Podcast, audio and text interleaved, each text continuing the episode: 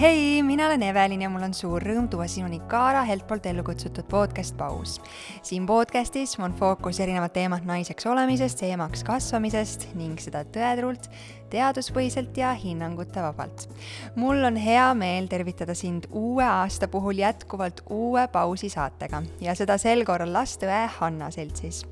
Hanna käis ka mõnda aega tagasi saates külas kuid täna võtame ette talvisele perioodile kohased laste viirushaigused, kuidas nendega toime tulla, mida silmas pidada ning äkki isegi sellest, kuidas neid ennetada. ilusat uut aastat sulle ja head kuulamist!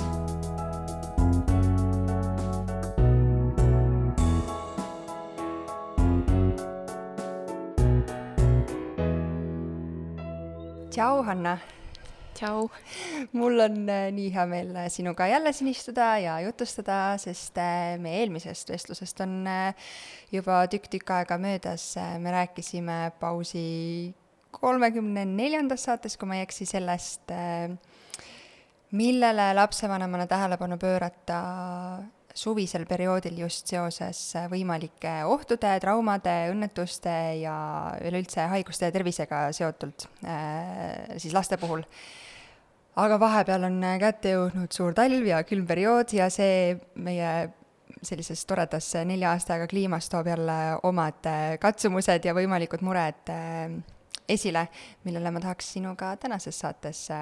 või millele ma tahaks tähelepanu pöörata. oled sa sellega nõus? jaa super, aga üks asi on muutunud äh, alates meie viimasest vestlusest on see, et sa oled liitunud vahepeal Kaara tiimiga, mille üle mul on tohutult hea meel ja ma võib-olla röövin siin sellist äh, mm, äh, head äh, sinu eetriaega, aga mul on see teema lihtsalt nii tohutult hingel olnud, ma isegi ei tea, miks, kas mul on nagu mingi isiklik ju siis mul on mingi isiklik teema sellega, aga nii nagu ma usun, et kõik autojuhid täna, õnneks tänu seadusandlusele peavadki läbima esmaabikoolituse, enne kui nad autorooli istuvad siis äh, ma kuidagi tunnen, et väga-väga alahinnatakse seda, et äh, lapsevanemaks saamine mm, ei sea mingit kohustust äh, laste tervise, väikelaste tervise ja haiguste ja esmaabiga seonduvaid mingeid koolitusi läbida. ja see on miski, mille ma olen natukene südameasjaks võtnud, et igal pool, kus ma saan, siis ma teen suu lahti, ütlen, et palun, kui te saate, siis minge ja osalege. ja seda sa Kaaras teedki täna. jaa, ja see ongi nii tore selles mõttes, et see on ka minu südameasi, just seesama tänu sellele, mis ma olen kõik näinud lastehaigla EMO-s äh,, nii-öelda ka lapsevanemana kogenud, et et, et see on nii oluline ja, ja minu jaoks just on see südameasi ka see, et, et kui me räägime laste siis nagu nii-öelda esmaabist, et võib-olla kõikidele kangastub kohe selline noh, seesama elustamine, eks ju, mida just. teha lämbumise korral, mis ongi ka väga oluline, aga noh, minu jaoks täpselt sama oluline on seesama tavaline äh, palavikuga kulgev viirushaigus, sest need on need teemad, millega iga lapsevanem puutub ühel hetkel kokku. Need tavalised köhadnood, palavikud, äh, noh, larungid, nutukramp, kõik sellised asjad, noh, nutukrambi ja, ja palavikukrampidega õnneks kõik ei puutu kokku. aga just see, et, et see, kuna teadmised võimestavad, siis, siis ongi see, et kuna see on niigi noh, lapsevanema jaoks uus ja hirmutav olukord, et kui sul on selle jaoks vähemalt teoreetilised teadmised, et see aitab ikkagi jääda rahulikumaks, selles olukorras paremini toime tulla, et äh, minu jaoks on see ka väga suur südameasi, et see ja, ja just ka selles võtmes, et äh, ka loengus või siis sellisel koolitusel, et me, et me räägime ka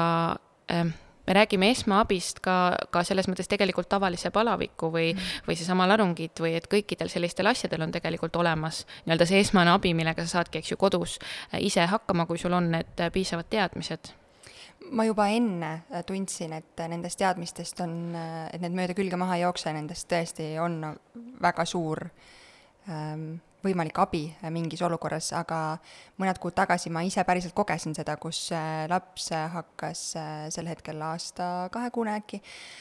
hakkas neljapäeva ööl vastu reedet väga imelikult läbi nutu hingama ja,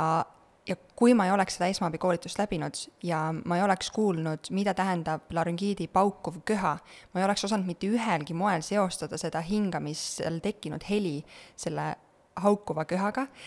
ja kui ma reede hommikul, miks ma need päevad välja tõin, on see, et kui ma ei oleks reede hommikul osanud reageerida ja perearstile minna ust kraabima ja öelda, palun võtke meid vastu, siis oleks tulnud nädalavahetus äh,, kuna noh, ma ei näe seal, kuna larüngiit on vist haigus, mis väga kiiresti progresseerub mm, -hmm. siis äh, äh, kindlasti oli vaja ravi mida ma ei oleks ise, ma ei tea, apteegist tavakäsimüügiravimitega kuidagi ravida saanud. Äh, ja ma oleksin nui neljaks pidanud pöörduma kas kiirabi või erakorralise meditsiini osakonna poole. ehk siis mul on nii hea meel, et ma läbisin, mul olid need teadmised ja ma oskasin nendele teadmistele se-, sel hetkel või nendele mm, sellele olukorrale ise äh, tähelepanu pöörata ja reageerida, et see on nagu see suur väärtus, mis, mis ma ise tänases kontekstis olen esmaabiloengult või siis kuidas see, kuidas te nimetate seda loengut korrektselt? meie nimetame seda laste haigestumine ja esmaabi. just, just. ehk siis mitte me ei räägi ainult, nii nagu sa välja tõid, elustamisest ja ma ei tea, põletusest, vaid üleüldse sellisest palavikust ja, ja tervisest, on ju mm. -hmm super, aga sellele on nüüd tähelepanu pööratud. Lähme päriselt tänase saate teema juurde, äh, milleks, nii nagu ma enne ka välja tõin, siis ähm, millised äh, ohud ja võimalikud tervisemured lapsi siin talvisel külmal perioodil puudutavad on mul õigus, et see on üldjuhul ülemiste hingamisteede viirushaigused? jaa, täiesti õigus, see sügistalvine periood on see kõrgaeg, kõrgaeg ja, ja neid, mure ongi selles, et neid erinevaid nii-öelda siis haigustekitajaid on sadu, selles mõttes, et on need RS perekonda kuuluvad viirused, adeno, paragripp, gripp, noh, et neid on nagu tohutult palju erinevaid siis viirusperekondasid, kes siis põhjustavad neid erinevaid eh, ülemiste hingamisteede viirusnakkuseid ja, ja valdavalt need siis avalduvadki noh, üldiselt klassikaline pilt on selline nohu, ninakinnisus, köha, palavik, et kas siis kolmekesi koos või, või paari kaupa kuidagi, et mida siis teha tuleb esimese hooga? Ja siin võib-olla ma veel ka selle kohta ütleks, et, et ega tegelikult see, et mis konkreetse haigusega on tegu, näiteks, et kas see on siis mingi RS või, või noh, tähendab, kas see on mingi adeno perekonda kuuluv, et nii-öelda haigustekitaja, et, et tegelikult suures pildis see ei olegi üldse oluline, selles mõttes, et kuna viirustele äh, ravi ei ole olemas, et me tegelikult noh, see ravi seisnebki ainult selles, et me leevendame neid sümptome. et selles mõttes lõpuks noh, viiruse puhul tegelikult ei olegi vahet otseselt, et, et mis täpne viirus see on, et me, sest ainuke, mis me saame teha, on ikkagi neid sümptome nagu leevendada ja, ja kui me nende sümptomite leevendusest räägime, siis noh, esiteks äh, noh, alati igal pool on esimesel kohal, eks ju, üleüldse ennetus, aga noh, see ongi see piisav kätepesu ja tegelikult ka siis juba, kui, kui nii-öelda see haigestumine on käes, siis ikkagi on see nii-öelda hügieen hästi olulisel kohal, et me ikkagi võimalikult vähe neid pisikuid nagu siis eh, edasi kannaks. aga konkreetsemalt, kui haigus on juba käes, noh, tavaliselt ongi siis äh, palavik, köha-nohu. Äh, me võime võtta kõigepealt näiteks nohu, mis on selline, eriti väikelastel ta on nii keeruline just sellepärast, et väikelaste siis mm, nende füsioloogiline, nad on nende ehitused natuke, eks ju, teistsugused, nende ninakarbikud ja kõik hingamisteed on nii palju väiksemad ja lühemad kui meil, mis tähendab, ja nad ei oska nuusata või vähemalt siis efektiivselt nuusata, ehk siis äh, see on nii hea pesa siis selleks, et need äh, pisikud saavad seal niimoodi ilusasti istuda. Äh, ja noh, pluss ka see, et ja veel väga väikestel lastel on ka see, et nad on noh, näiteks kui me räägime beebidest, et nad on ninahingajad ja nad ju söövad, et rinda, kui nad näiteks imevad, siis et see on nagu nende jaoks lihtsalt hästi, hästi raske, hästi suur töö. aga nohu puhul noh, on põhimõtteliselt on äh, kõige klassikalisemad asjad on äh, number üks, on äh, siis nina puhastamine, siis kas humeri, soolavel, no põhimõtteliselt naatriumkloriidiga ehk siis füsioloogilise lahusega. Paljudele vist kõige tuttavam on see humer, et et, et seda, et sellega siis nii-öelda puhastada nina, sest äh, see teeb siis seda, et ta uhub esiteks sealt neid pisikuid välja. Äh, teiseks ta niisutab seda nina limaskesta, mis omakorda siis tekitab selle, et on kergem sellest siis nii-öelda limast vabaneda. et, et see nina puhastamine on oluline siis teiseks äh, inhalatsioonid ehk siis aurud sellesama naatriumkloriidiga. sama eesmärk, ta niisutab limaskesti, ta aitab sellel siis limal nii-öelda kergemini välja tulla. ehk siis me ei räägi inhalatsiooni puhul ainult köhast või köha ravimisest, äh, leevendamisest, vaid ka nohust? jaa, et, et ka nohu puhul täiesti seesama, lihtsalt et see eesmärk on sama, et ta ikkagi niisutab neid lima, limaskesti ja aitab siis nii-öelda kergemini äh, selle haigusega siis ühele poole saada äh,. ja lisaks siis aurule ja nina puhastamisele just seesama asi, et kuna väikelapsed äh, ei oska eriti nuusata, noh, kirjandus ütleb meile, et laps keskmiselt õpib ära nuuskamise seal kahe ja kolmanda, teise ja kolmanda eluaasta vahel. mõni varem, äh, minul on ka väga vedanud, minu lapsed on suurepärased nuuskad, juba ka väiksem nii-öelda harjutab suure eeskujul. aga et just, et ongi, et siin on oluline mm, et kuna nad ei oska nuusata, siis tuleb aidata neil see tatt sealt ninast välja äh, ja noh, siin on ka, ma tean alati hästi palju küsimusi, et näiteks oletame, et kui see on lihtsalt see algav vesine nohu, ta voolab sealt ise välja, et kas ma pean ilmtingimata selle välja võtma. et, et eks see käibki selles mõttes väga tunde järgi ja enda hinnangu nii-öelda järgi selles mõttes, et kui, kui see tatt tuleb sealt ise välja ta lapsel ei ole raske, et noh, sa näed, et ta selles mõttes tuleb toime, ta hingab eh, nii-öelda suhteliselt vabalt, et see nina ei ole nii kinni, et ei pea ilmtingimata kohe seda tatti välja võtma, et see probleem pigem tekib siis, kui see nohu on juba noh, selline ma ei tea, mitme päeva vanune ja ta muutub selliseks natuke niisuguseks paksemaks, see nina on kinni, ta on seal nii-öelda koopas sees, et, et siis ikkagi tuleks aidata see tatt sealt välja. Ja see põhjus ongi ka just seesama, et, et tegelikult me sellega aitame kaasa, et, et tüsistusi ei tekiks ja noh, tüsistused laste puhul noh, kõige sagedasem näiteks ongi, on kõrvapõletik. et küll lastel põskkopapõletik on pigem vähem, aga noh, et noh, kõrvapõletik on see, mis, mis nii-öelda et väikelaste nohu tihti läheb üle siis nagu kõrvapõletikuks. ja see, kui me võtame seda tatti seal piisavalt ära, see ikkagi, me sellega ikkagi vähendame seda riski, et see tüsistus ei tekiks. mis ei tähenda seda, et kui kõik on tehtud nii-öelda õigesti ja see tatt on ilusti välja võetud, et see ei, et see jumal, et see siis kohe kindlasti ei lähe kõrvapõletikuks, et, et, et need asjad võivad juhtuda ka siis, kui on kõik õigesti tehtud, aga lihtsalt me ikkagi vähendame nagu seda oluliselt seda riski, et see nii-öelda tüsistus tekiks. aga prioriteet on see tatt sealt ninast kätte saada? Jah ma olen äh, sattunud erinevatesse vestlustesse ja, ja kuulnud ja näinud äh, emasid arutlemas sellel teemal, et äh, et milline siis on see kõige parem äh,, kuidas neid nimetatakse äh,, aspiraator Asp. Mm -hmm. Mm -hmm. äh, et, et lapsed äh, iga aspiraatori kas või nägemisel äh, nutavad ja jonnivad ja jumalast seda endale lähedale ei taha lasta äh, ma, ma, ma ei ole kunagi osanud nagu nendesse vestlustesse oma hinnangut anda, me oleme kasutanud äh, elektrilist äh,, ma lihtsalt tunnen, et see on tohutult palju võimsam ja teeb oma töö kiiremini ära kui see, mis siis äh, ise manuaalne. enda, manuaalne mhm. jah, just tõmmata. ja, ja mu laps ei ole ka tohutult rõõmus seda aspiraatorit nähes, aga ma lihtsalt tunnen, et võib-olla ma nagu ise lapsevanemana teen oma südame kõvaks ja kannatan need minut aega või kolmkümmend sekundit nuttu et see tatt sealt välja saada, sest ma tean, et tal pärast on oluliselt palju lihtsam. Absoluutselt, minu, minul samamoodi, noh nüüd nii-öelda suurem laps juba, isegi kui ta on väga efektiivne, tubli nõuskaja, siis ikkagi mõnikord on see, et kuna seda, kui seda tatti on seal hästi palju, ta on hästi selline paks ja noh, et isegi, isegi siis ma kasutan ka vanema lapsega mõnikord seda, meil samamoodi on see elektriline, ma ütleks, et see on, ma ei tea, juba esimese pooleteist aastaga ennast nii, nii tohutult ära tasunud, sest see, seesama, see vahe, et, et, et kui, kui palju kergem lapsel on pärast olla. et, et jällegi siin noh, seesama küsimus võib-olla, mis, mida ma lihtsalt olen, mida mult näiteks on ka palju küsitud,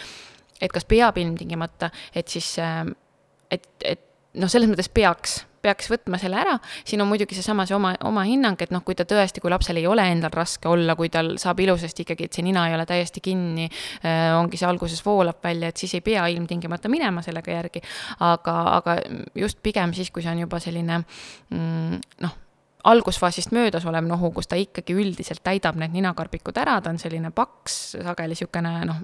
tumedama värvusega,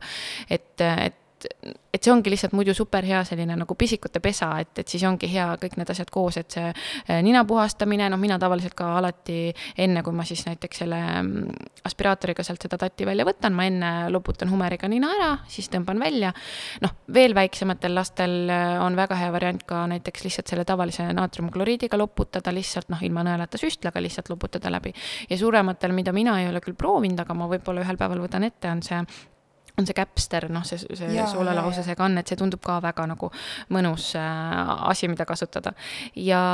noh, väiksema lapse puhul jällegi, et äh, minul ka, meil on ikkagi selline tugev fikseerimine ja siis äh, kõva karjumine ja ma võtan selle tati välja. aga noh, tal on pärast parem olla, et, et selles mõttes ähm, jah, ja muidugi aitab ka seesama, et noh, me nii-öelda, ma ei tea, minu väiksemal lapsel ka kuidagi on see, et kui, kui ei ole seda nohuperioodi, selles mõttes, et ta otseselt seda masinat ei karda, et lihtsalt, et lihtsalt on ebamugav, kui keegi hoiab sind kinni ja tõmbab sealt nagu välja, sest ega, ega ka see tati nii-öelda eemaldamine ei ole iseenesest valus. jah, kui lapsel on, eks ju, ma ei tea, nohulimas, kes on turses, tal on võib-olla, et, et siis see noh, ebamugav kindlasti. aga, ja, ja noh, üks müüt ka võib-olla, mida noh, noh, mida ma olen kuulnud, et, et mida siin nagu arutada, eh, on see, et ähm, et arvatakse mõnikord, et noh, et ma ei võta seda tatti välja, et kui ma selle tati võtan välja, et siis tegelikult see nagu manuaalne tõmbamine või tähendab siis, vahet ei ole, kas siis manuaalne või, või elektriline, aga et see põhimõtteliselt, et see sekkumine nagu ärritab ninalimaskesta veel ja siis nagu tekib justkui nagu nohu juurde. Et selle, see on ka üks, mida minu käest on küsitud, et miks näiteks ei, ei taheta väga võtta välja ja siin ongi nagu see vastus on see, et jah, mõnikord võib olla niimoodi, et kuna see ninalimaskest on õrn ja kui me siis selle nii-öelda elektrilise masinaga seal tõmbame, et ta võib ajutiselt natukene seda ninalimaskesta loomulikult ärritada, aga noh, siin ongi alati nagu noh, nagu igal pool meditsiinis ja, ja et need plussid-miinused nagu, et see, et, et, et mingil hetkel on ikkagi olulisem saada see tatt sealt välja, kui see, et ta võib-olla natukene nii-öelda siis see paikne ärritus sellest nii-öelda sellest tõmbamisest kas sa näed, et on koht äh, ka vanarahva tarkustel küüslaugul ja sibulal voodipead siis tõstetud äh, peatsil äh, väikeste beebide puhul või,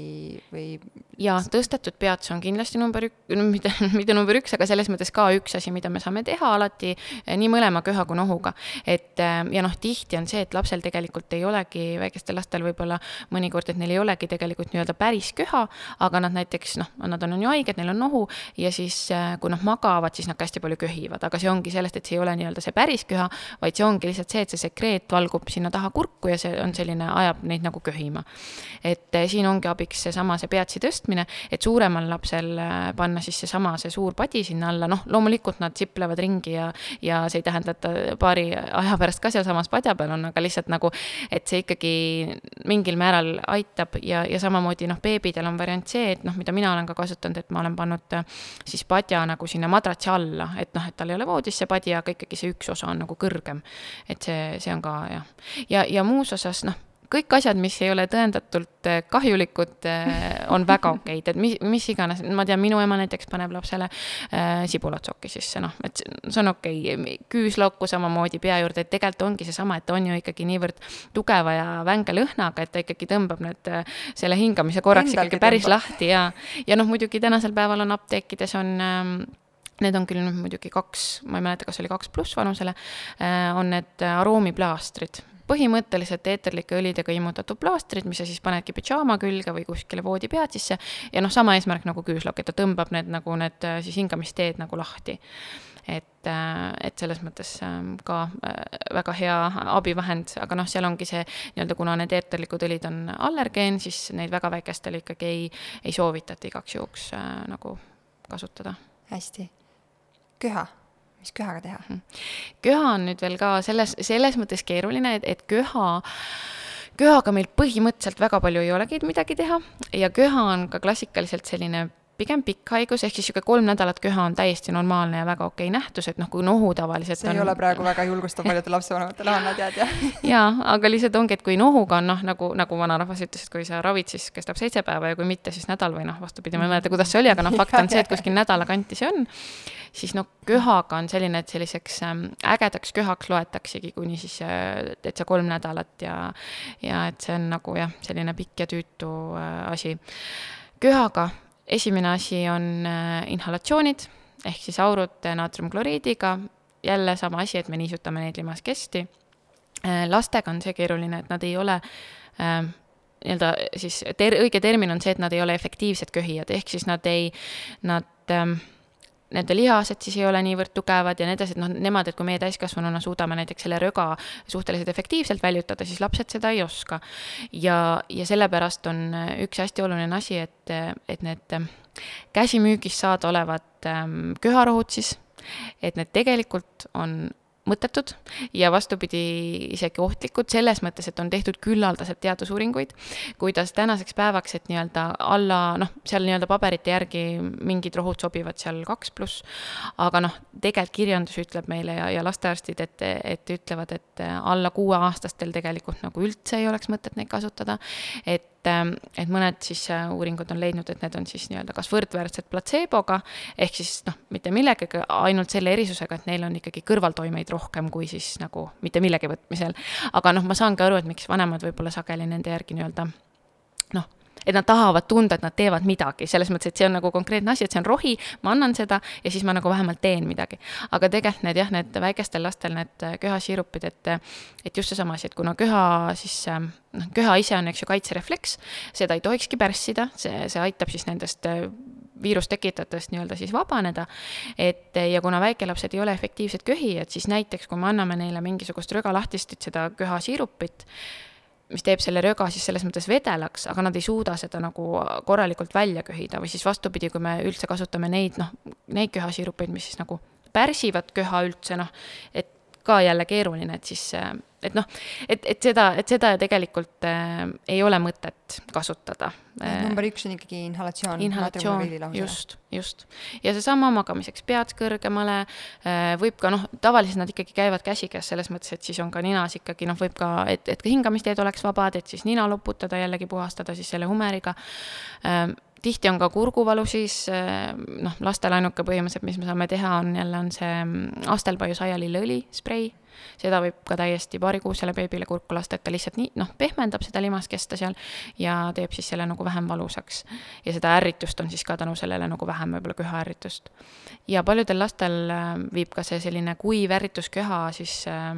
ka nii-öelda oksendamiseni, mis on ka täiesti normaalne, et, et lihtsalt nad köhivadki nii palju, noh, kui endal on ka olnud niisugune ärritusköha, et sa lihtsalt köhid, köhid, köhid ja siis kellel nii-öelda ja neil on see okserefleks nagu sellisem ka kergem tulema sageli, et siis paljud lapsed isegi noh, köhivadki kuni oksendamiseni põhimõtteliselt.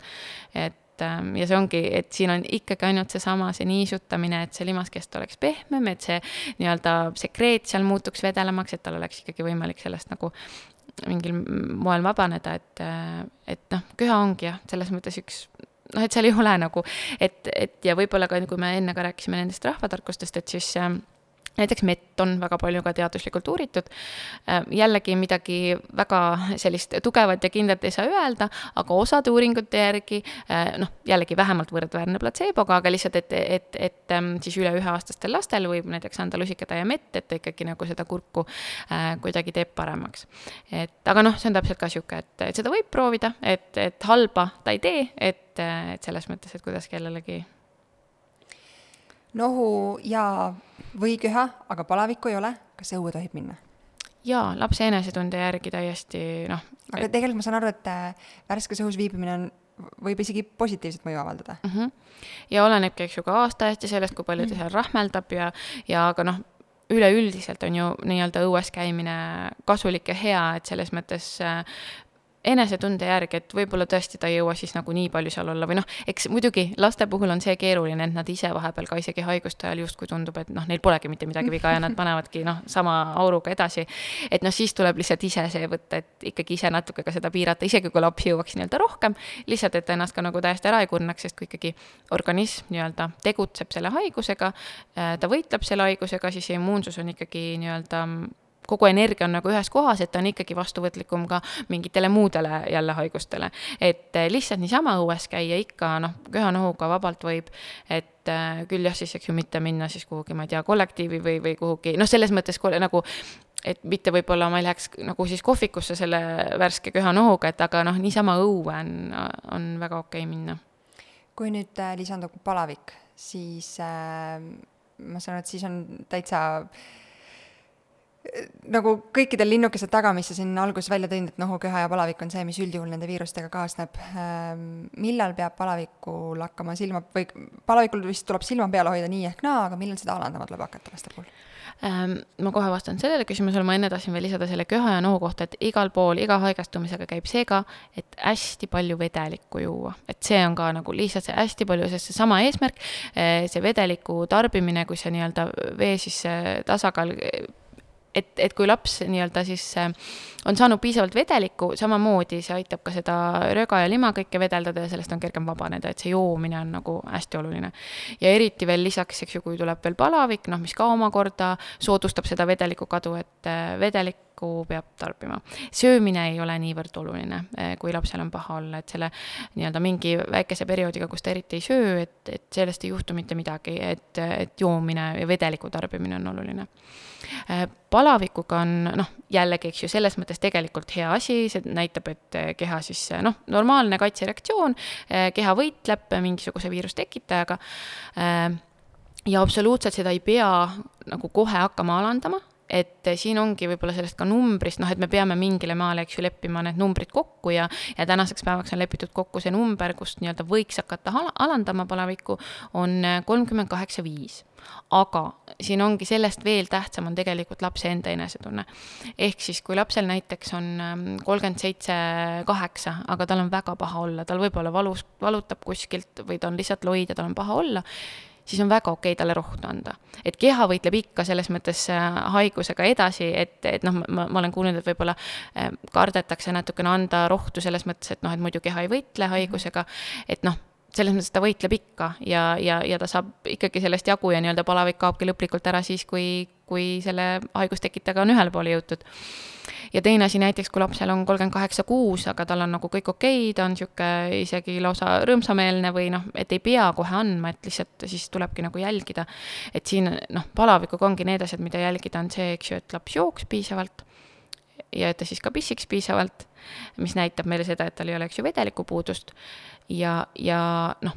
loidus palaviku ajal, kõrge palaviku ajal on ka üsna normaalne nähtus, sest noh, ongi lapsel on halb ja paha olla. oluline on see, et kui see palavik nüüd näiteks rohuabiga saada alla, et ta siis oleks nagu selline võimalikult tavapärane. et, et murekoht on näiteks see, et kui see palavik on saadud rohuga alla ja laps on ikka äärmiselt loid või, või apaatne või selles mõttes, et noh, see näitab meile ka natuke, et mingi noh, et mure, et kui palavik läheb alla, siis võiks laps olla vähemalt mingi perioodi päevast ikkagi nagu tavapärane. et on loogiline, et kui siis jälle see palavik tõuseb, tal on jälle paha olla, ta on jälle loid, et see on väga normaalne ja tavapärane. ja ka see, et näiteks ongi, kui see palavik on, eks ju, läinud alla et see on ka okei okay ja tavapärane, et see tõuseb jälle uuesti, sest noh, seesama asi, et see, see läheb ära siis, kui haigusega on ühele poole saadud. et ähm, ja võib-olla veel sellest rohu andmisest, et, et ähm,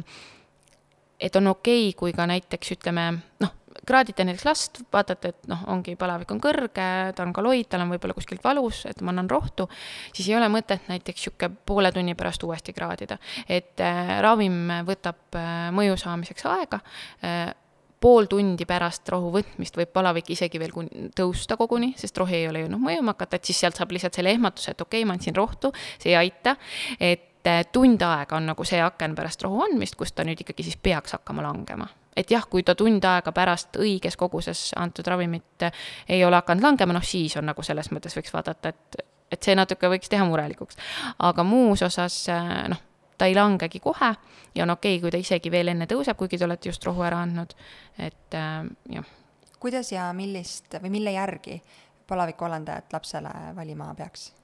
Selles mõttes on nad ähm, siis paratsetamool ja ibuprofeen, äh, nad on selles mõttes võrdväärsed ravimid, mõlemad on valu vastu, mõlemad on palaviku vastu, äh, ainuke erisus ongi siis see, et ibuprofeen on lisaks ka põlet-, kerge põletikuvastase toimega ja, ja lihtsalt nende siis nii-öelda imendumismehhanism on erinev, et üks siis maost, teine, teine maksast, et, et muud selles mõttes nad on mõlemad sama head, ei ole nii, et noh, et kumb on nagu parem lastel üldiselt esmavalikuna on paratsetamool, sellepärast et lihtsalt äh, seda võib juba anda nii palju varem äh, kui siis seda ibuprofeeni. aga eks see on täiesti selline mm, noh, valiku ja tunde asi, et minul näiteks, minul kodus enda lastega esmavalik on ibuprofeeni siirup, lihtsalt sellepärast, et teda on seal, ta on kõige kontsentreeritum, seda peab kõige vähem andma korraga, võrreldes siis näiteks paratsetamooli siirupiga, mida peab peaaegu topeltkoguse andma, et lihtsalt sellepärast. et äh, ilmselt kui nad oleks sama, noh, sama kontsentreeritud, neid peaks sama palju andma, siis ma noh, ma ei teagi, et emb-kumb, et selles mõttes ei ole nagu vahet. ainuke asi, mida võib-olla, kui on tuulerõugad, lihtsalt mainin, kui on tuulerõugad, siis ei tohi anda ibuprofeeni siis tuleb anda paratsetamooli, sest on leitud, et seal on mingisugused seosed siis teiseste nahakahjustuste nagu tekkes, et kui on tulerõugad, siis tuleb anda paratsetamooli aga muidu ei ole, ei ole vahet, kui on tavaline seesama köha-noapalavik, absoluutselt ei ole vahet kumba, et mõnikord lihtsalt selle valiku teebki see, et noh, näiteks eks ju väga väikestel, siis me paneme paratsetamooli küünla, kui ta näiteks oksendab, noh, siis me paneme ka küünla, sest suu kaudu midagi ei jää sisse või, või, või noh, et ja, ja täitsa selline nagu valiku asi, et kuidas kellelegi, et mõni laps vastupidi lihtsalt ka ei taha absoluutselt neid siirupit, sest need on jube lääged ja magusad. Mm. -hmm. ma olen ka küünaldega pidanud siiamaani läbi ajama, sest see siirup lihtsalt huh, mm -hmm. ei, ei jõua sinna, kus ta peaks jõudma Eh, aga ma saan aru, et eh, sõltumata sellest eh, palavikualandaja valikust, see on kehakaalu järgi lugeda konkreetset pakendi infolehte, et kui palju seda panustada? ma isegi, ma, need, need pakendi infolehed tegelikult, see on üks teema, mis mind väga ärritab, sest lihtsalt ma ei saa aru, miks need pakendi infolehed on sellised, nagu nad on ja nagu, sest sellest, seal on veel kõige sellisem umbkaudsem teave, umbes seal on, seal on vanusevahemiku järgi, noh, see ei käi selles mõttes, et me anname rohtu kehakaalu järgi ja selline kuldne reegel on see, et ibuprofeeni kümme milligrammi ühe kehakilo kohta ja paratsetamooli viisteist milligrammi ühe kehakilo kohta, siis ühe annusena. ja noh, kui see enda lapse annus on siis välja arvatud, noh näiteks see noh, laps kaalub kümme kilo, ibuprofeeni kümme milligrammi ühe kilo kohta, see on siis kümme korda kümme on sada, sada milligrammi on tema siis üks ühekordne annus ja siis tulebki vaadata siis juba ravimi infolehte selles mõttes, et näiteks kui see siirup, et mitu milligrammi ravimit on ühes milliliitris ja siis teha see nagu arvutus, aga noh, see on, et see nii-öelda, kui sellest hakata rääkima, siis see kõlab keerulisemalt, kui see on, aga noh, seesama, et sa teed ühe korra selle arvutuse ära, paned näiteks endal sinna ravimkappi, vahepeal siis lihtsalt uuendad seda ja, ja jah aitäh, et sa valgustasid, ei olegi nii lihtne, et alati kõik on, kõik on infolehelt kättesaadav info ja lihtsalt äh, mõistetav. see on ainukene asi ja ma ei tea, sest ka EMO-s samamoodi me nägime, et noh, lihtsalt, et ja ma, ja ma ei teagi, ma ei teagi nii-öelda, kelle, et kust kaudu seda nagu lahendada, sest see tekitabki nii palju nagu segadust ja, ja seesama, et näiteks kui ka EMO-sse jõudsid lapsevanemad lihtsalt näiteks sellepärast, et noh, et see palavik on nii kõrge, see ei lähe rohuga alla ja tegelikult tuli sageli välja, et lihtsalt nad ei anna õiges koguses ravimit. ja see ei olegi lapsevanema süü, lihtsalt nagu kust sa peaksid selle info saama ja siis ongi veel, et infoleht ütleb ühte asja, siis kuskil apteeker ütleb teist, pereõde ütleb kolmandat, no see ongi, see on nii keeruline selles mõttes. ja samas on nagu see reegel, et, et palavikku paraku alandab ikkagi efektiivselt õiges doosis nagu ravim. et. palavikus last äh, õue ja vanni ei vii või kuidas? jah selles mõttes, et no see on ka nii keeruline teema, et noh, näiteks eks ju, ma olen isegi uurinud eh, siis teadusandmebaasidest just seda infot, et näiteks, et, et mis see põhjus näiteks on, et, et on noh, vann okei okay,, et see ongi näiteks samamoodi ei tohi palavikuga teha, eks ju, soojendavaid protseduure, kui on palavik, sa ei tohiks teha sinepivanni, hanerasva, jah, hanerasv ka ma enne unustasin, et köha puhul näiteks eh, mina ka alati kasutan, et, et ja noh, suuremate lastega ka näiteks seesama sinepivann, et need on sellised ka noh jällegi, et noh, et, et, et sa midagi vähemalt teed et kui endal on ka nagu see tunne, et ma siis nagu teen midagi. aga. palaviku puhul äh, vann. jah, vann, et, et palavikuga jah, vanni nagu ei tohiks minna, et see ikkagi on see, et see temperatuuri vahe ja siis on see kuidagi, et, et see ei ole nagu noh, ja samas, kui ma ise mõtlen ka nagu näiteks noh, kas ise tahaks palavikuga vanni minna ka, vist pigem ei tahaks, sest siis on noh, eriti eks ju see tõusuperiood, kui on, siis on nagu kuidagi külm ja, ja kuidagi see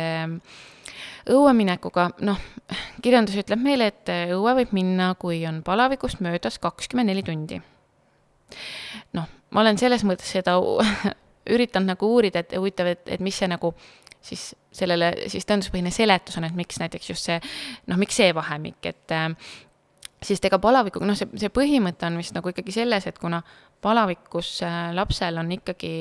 raske olla, et vahet ei ole, kas ta nii-öelda on siis ise loid või on ta tegelikult ise tavapärane ja tema jaksaks näiteks õue minna, siis ikkagi, kuna kogu keha see nii-öelda äh, et kogu aur on sellel, et keha võitleb selle haigusega ja, ja see lihtsalt võib teda üleliia nagu koormata, et ta siis veel lisaks seal noh, õues ja lapsed ju, nagu me enne ka ütlesime, et nad sageli ei, ei oska ise hinnata seda, et nad võib-olla nagu ei jaksa, nad ikka rahmeldavad, nad ikka jooksevad ja teevad ja et see pigem lihtsalt võib jälle seda organismi nagu kurnata. mis hetkel peaks äh, lapsevanemana aru saama, et äkki nendest kodustest pingutustest ei piisa ja peab äh, abi otsima spetsialistilt? See ongi ka jälle hästi keeruline, siis siin on alati miljon äh, nii-öelda agat ja, ja seda enda hinnangut ja kõik, et see, aga noh, esiteks ühendust võtta enda siis noh, tavaliselt esimene valik on, eks ju, pereõde, kes noh, üldiselt nende asjadega tegeleb. et ähm, et esimene valik ongi see, et näiteks noh, ma ei tea,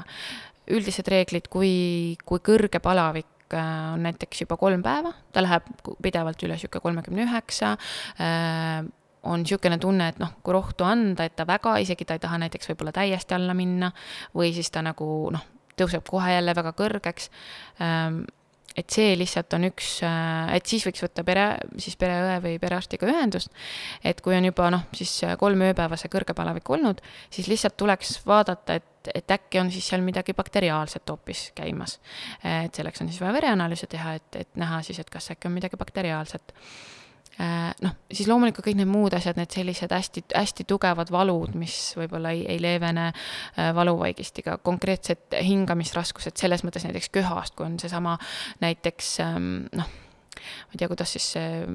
maakeeli on see, et noh, selline rõhutatud, kas siis välja või sisse hingamine, noh, sellised nagu noh, et sa saad aru, et lapsel on nagu raske hingata ja on näiteks lisaks sellele loid ja aga noh, need on täpselt sellised olukorrad, kus niikuinii üldiselt lapsevanema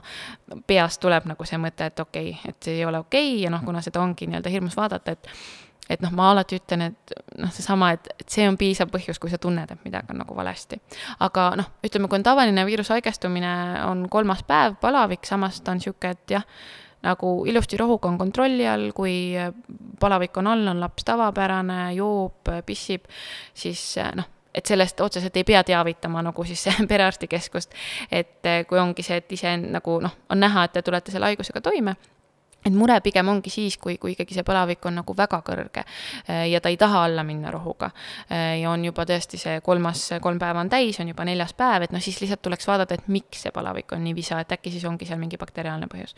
siis see, kui on näiteks kõrge palavik ja siis lisandub mingi sümptom, no näiteks kõrvavalu lastel väga klassikaline, noh, väiksemate puhul siis see, et nad katsuvad kõrva, nad on hästi virilad, rahutud. see on ka üks asi, millega siis peaks minema konkreetselt ikkagi vastuvõtule, et see, et see kõrv nii-öelda saaks üle vaadatud, et, et et, et sageli neil jah, lööb see nagu põletik kõrva. või on, või on kuskil mujal, näiteks noh, ka väikelastel sageli on ka näiteks ikkagi neid äh, uroinfektsioone selles mõttes, et kui näiteks see pissimine on valus või, või noh, ongi jällegi sõltub, eks ju, lapse vanusest, mida ta oskab nii-öelda märku anda, kui on niivõrd väike laps, et et ta ei oska sõnadega rääkida, siis noh, ikkagi seesama, et ta on lihtsalt näiteks püsivalt hästi loid, hästi viril, noh, et siis ongi, siis tuleks igatahes võtta nagu ühendust ja vaadatagi, et kas äkki siis kas õde või, või arst kutsub esimesele visiidile ja vaadatakse vähemalt need asjad nii-öelda üle, mida saab vaadata ja siis vajadusel tehakse vereanalüüs. ja noh, siis need konkreetsed asjad, kui on siis kas kiirabi või EMO, ongi ikkagi juba need sellised noh, ma ei tea, hingamisraskus mm, -hmm. noh, kõik sellised äh, ma ei teagi, palavikukrambid esmased, siis ikkagi ka tuleb äh, kiirabi kutsuda et lapsevanemana usaldada oma sisetunnet on mm -hmm. jätkuvalt aukohal äh,. ja, ja noh, just see, et kõige hullem, mis saab juhtuda, eks ju, on see, et tegelikult ei olnudki midagi nii hullu. jah, ja, ja ma tean, et see on nagu raske, ma ütlen, noh, ma ei mäleta, kas ma ütlesin ka eelmine kord, mina ise ei julge näiteks mõnda registratuuri keelistada lihtsalt, sest see, aga just see, et nagu päeva lõpuks ei ole vahet nagu, et noh, et see on, ongi seesama sinu laps, sina oled tema nii-öelda siis advokaat või noh, selles mõttes, et sina, tema tervis on sinu kätes ja see, kui kellelgi nii-öelda on mingi lühiajaline ebamugavustunne või see, et nagu justkui noh, et mõttetu, et noh, miks sa nagu tulid siia või noh, mõttetu asi, siis noh, see läheb päeva lõpuks mööda ja nagu noh, sa võib-olla ei näegi seda inimest kunagi, aga lihtsalt see, et sa tead, et sina nagu noh, kui sinul päriselt on mure, et, et sa tegid selle jaoks midagi ja noh, seesama kõige hullem, mis saab juhtuda, on see, et noh, midagi väga hullu ei olegi lahti, noh, tore, et ongi hea, et ei ole. et ma olen ka EMO-s näinud küllaldaselt neid, kes nii-öelda vastupidi, tulid niimoodi, et et, et talt küsitigi, et noh, et, et miks te varem ei tulnud või kus te enne olite. et, et, et ka see hirm, ma saan aru, et noh, jah, võib-olla sageli ongi kahte sorti, on ühed, ühed ongi need, kes, eks ju, võib-olla liiga kergekäeliselt lähevad ja teised jällegi ongi seesama, see kuidagi see hirm või et noh, et noh, et mis ma ikka, et noh, ma saan ju nagu hakkama ja noh, et tegelikult ei ole ju nii hull. eks see ongi nii keeruline on leida nagu seda siis keskteed, aga noh, see on õnnistus, kui ongi näiteks, kui enda perearstikeskuses noh, ongi pereõde, perearst, kui nemad on nagu et siis alati selline esimene nii-öelda kontakt äh, muidugi telefoni ja kõikide nende nii-öelda nõustamistega jääb alati see määramatus, et äh, keegi ei võta endale seda vastutust, noh, selles mõttes, et äh, et kui ma ei näe seda last, ma ei saa öelda, et kindlasti, ma ei tea, jääge koju, et noh, pigem näiteks ka seal nõustamisliinides, noh, pigem nad selles mõttes ütlevad kergekäelisemalt seda, et noh, minge, et see ei tähenda, et ilmtingimata ongi nagu jube halvasti, aga seesama, et nemad ei saa võtta seda vastutust, et noh, nad ei ole näinud seda last ja, ja seal on nii palju neid samu asju, mida sa nii-öelda päriselus küsid juurde või vaatad näiteks neid samu kõrvu ja kurku ja nii edasi, et, et äh, jah, et see on, et see on keeruline, see on keeruline jah, nii-öelda siis otsustada, et kunas minna või, või kuhu. Ja eriti keeruline on veel siis, kui näiteks ka enda perearstikeskusega võib-olla ei ole nagu nii head seda suhet või, või, või ongi raske seda nii-öelda kätte saada või sinna saada, et noh, mõndadel ma nägin, sageli ei jäänudki muud üle, kui siis minnagi lihtsalt EMO-sse, noh, mis on ju igas mõttes ressursside noh, jah, aga sinna ei ole nagu midagi teha selles mõttes, et äh, sa tõid äh, ennist välja ka selle, et äh, köha võib äh, kolm nädalat kesta. Ähm, ka nohu võib päris pikalt olla, aga kui nüüd noh, sa tõid, sa ütlesid sellele mingi hea väljend oli, et algav köha või nohu või sinna nagu algusfaasis, et võib-olla siis nagu kohvikusse ei roni, on ju, et isegi kui mm. palavikku ei ole, aga ma ei tea, kas see mõiste on õige, aga ma olen kuulnud, ma ei tea, jääkköha või mm -hmm. jääknohu kui see haigus on siis pika vinnaga ja justkui enesetunne on juba tegelikult kõik hästi, aga natukene nina tilgub või natukene nina kinni ja natukene mõned korrad päevas seda köha siin ja seal tekib, mis hetkel on sobiv või kas üldse minna uuesti seltskonda või, või kohvikusse või poodi? see on jälle nii, nii keeruline küsimus selles mõttes, et siin ei ole äh, lihtsalt mustvalget jah ja ei vastust, sest noh, needsamad asjad, et meil on kergem öelda seda, kunas inimene kindlasti on nakkav, kui seda, kunas ta kindlalt ei ole. aga noh, needsamad, kuna ongi, ma olen ka hästi palju seda teemat ikkagi nagu uurinud ja vaadanud, siis noh,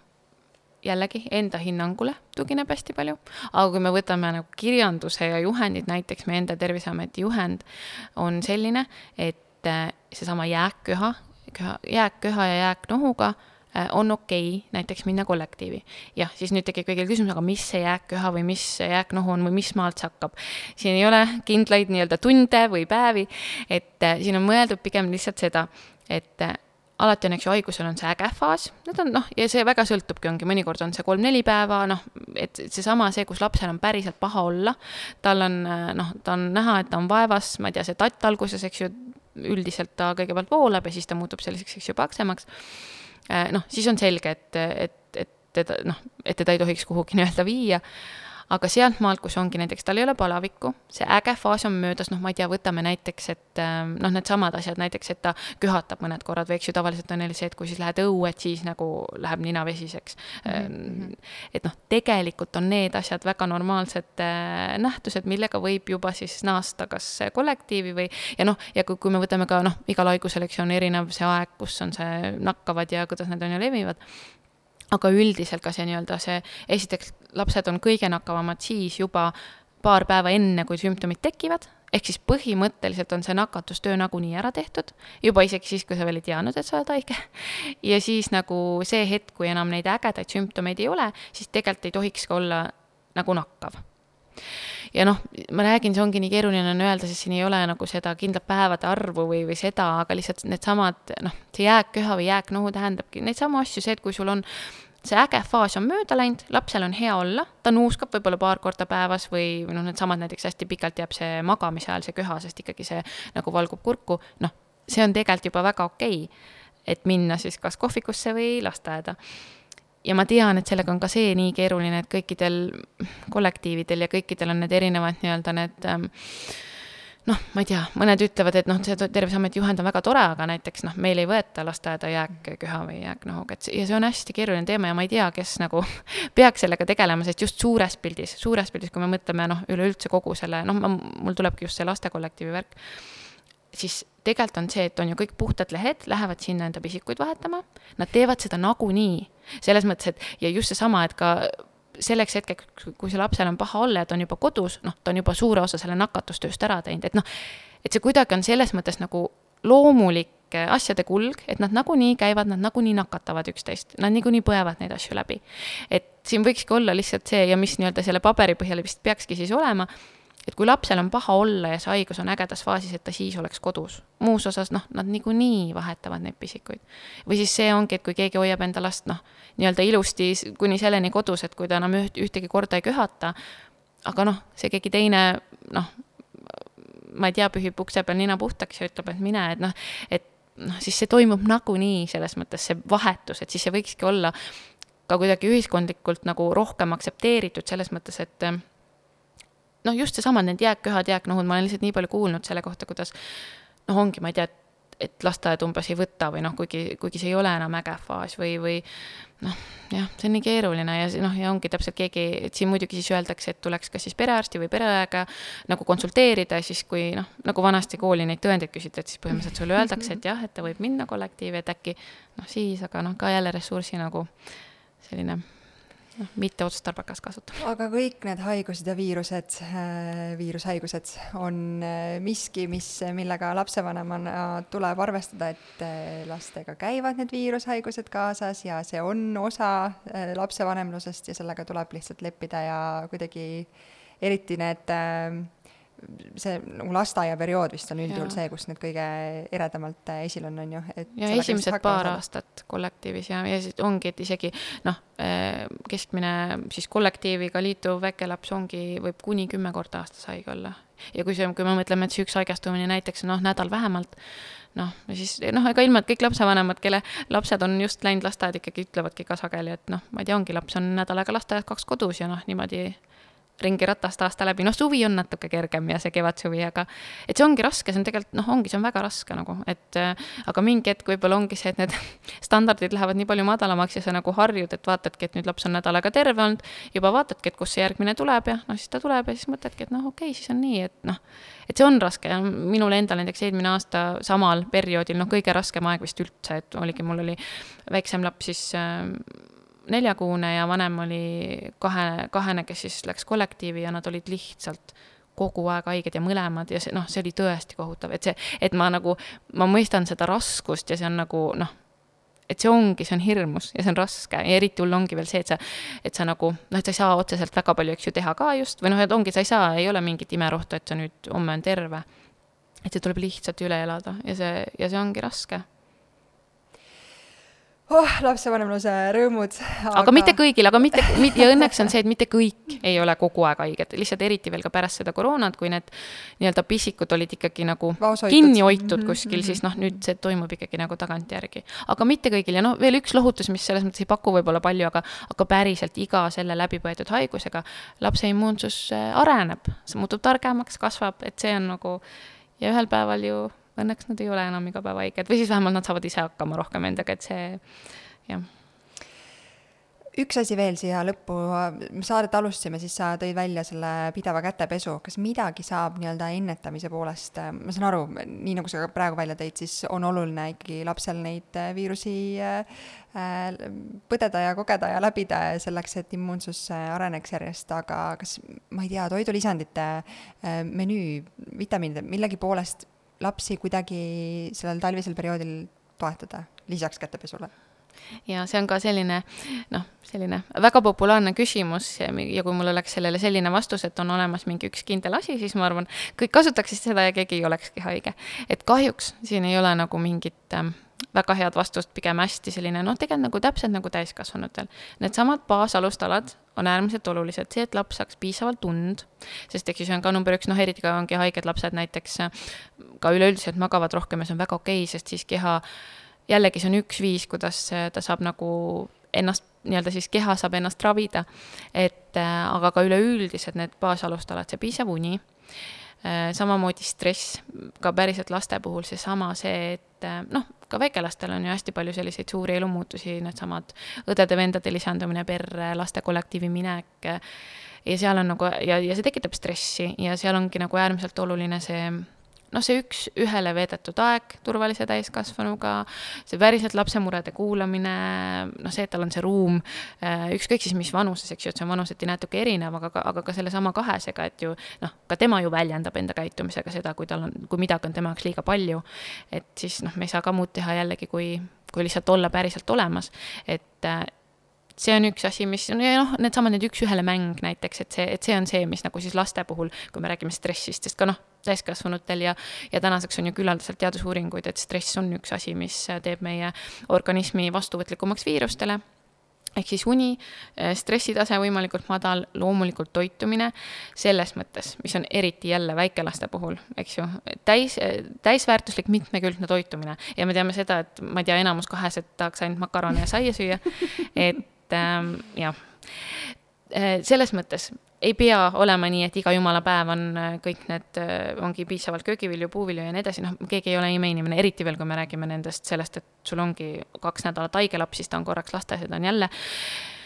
Et mõni päev ongi see, et sa pead tegema ükskõik mida lihtsalt, et äh, see päev üle elada ja ellu jääda ja kui laps on söönud ükskõik mida äh, ja ta on veel maganud ja ta on veel, ma ei tea, tal on mähe vahetatud, siis see ongi super ja kõik ongi hästi, et see ei tähenda, et peab veel siis ajama taga neid äh, noh, ma ei tea, et olekski lõhet ja maasikaid ja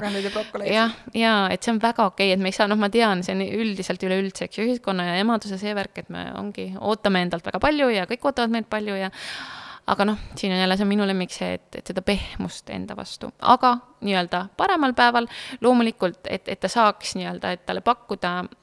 noh, kogu see söömisteema, eks ju, et meie töö lapsevanemana on pakkuda äh, ja lapse töö tegelikult on otsustada äh,, mida ja kui palju ta sööb, mis on ka keeruline, eks ju, enda jaoks. aga noh, meie saamegi ainult seda teha, et pakkudagi piisavalt, see, kui ta midagi ei söö, noh,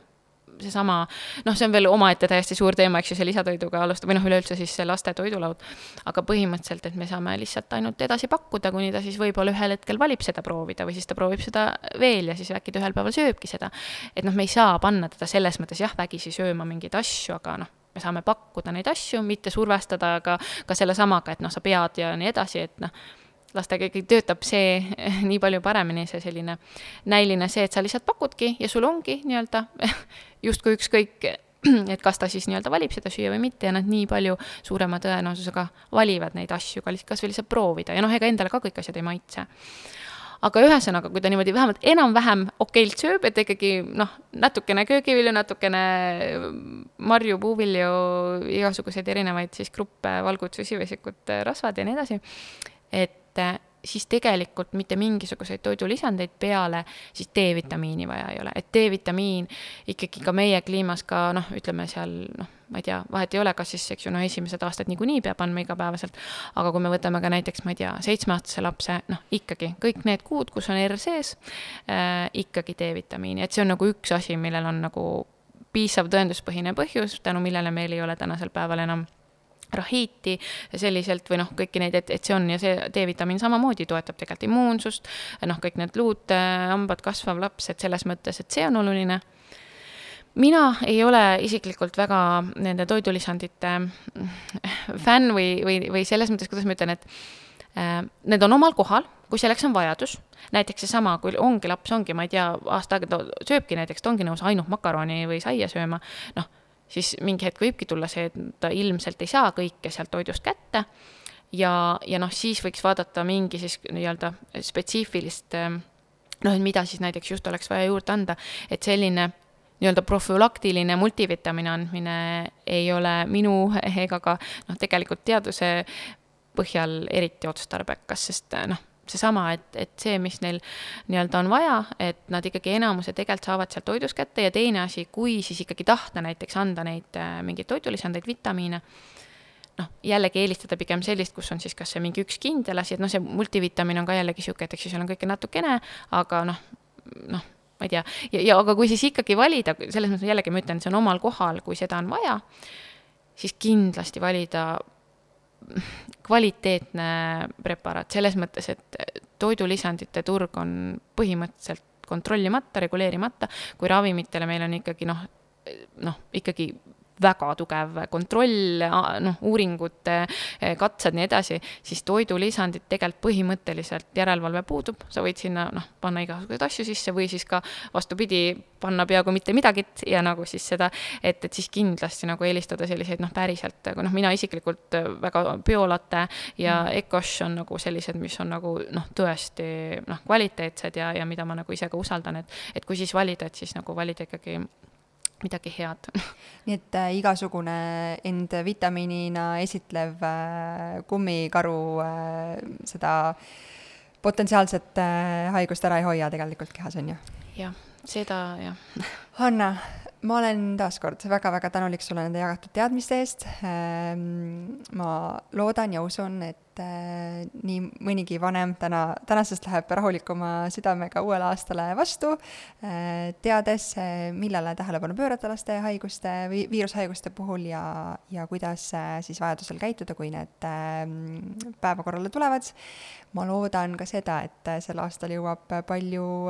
sinu ja Kaara perekooli loengusse siis laste haiguste esmaabi teemal äh, end, enda teadmisi täiendama. Ehm, ja et äh, sina saaksid oma teadmisi äh, täiendada ja lugemiselamust äkki, siis tänast saadet toetab Apollo, kellelt mul on sulle valida kolme raamatu hulgast üks esmalt Lauri Räpi luuleraamat Lihtsate asjade tähtsus ja tähtsate asjade lihtsus, oled sa juhuslikult lugenud, sirvinud? jaa, mul tegelikult on see praegu öökapi peal ja siis ma laenasin sõbrannalt seda. selles mõttes see pole minu isiklik. olgu, ma panen siis praegu kõrvale, aga et kui sa tunned, et sa, et see on miski, mida sul on päris isiklikku vaja, siis sa võid valida selle, on ju. siis eh, ma ise lugesin pühade perioodil läbi ja ma väga-väga kiidan, minu arust see oli väga tore ja selline vahva mm, eh, ma, ma ei pea ennast suureks gurmaaniks, aga mulle meeldib hästi süüa ja, ja ka ise süüa teha ja see oli minu meelest hästi vahva raamat äh, toidu äh, teemal. Stanley Tucci Maitsed minu elus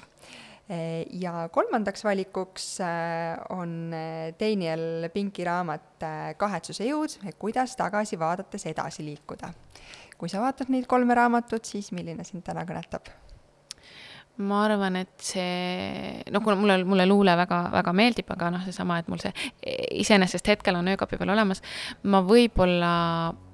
kaldun praegu selle maitsete poole, sest samamoodi eriti Itaalia äh, köök on äh, mu enda isiklik lemmik, et. super, väga lahe, ma loodan, et see raamat pakub sulle head elamust ja uusi teadmisi ja mõtteid ja ma olen taaskord väga-väga tänulik sulle jagatud äh, mõtete eest täna, aitäh! aitäh! tšau!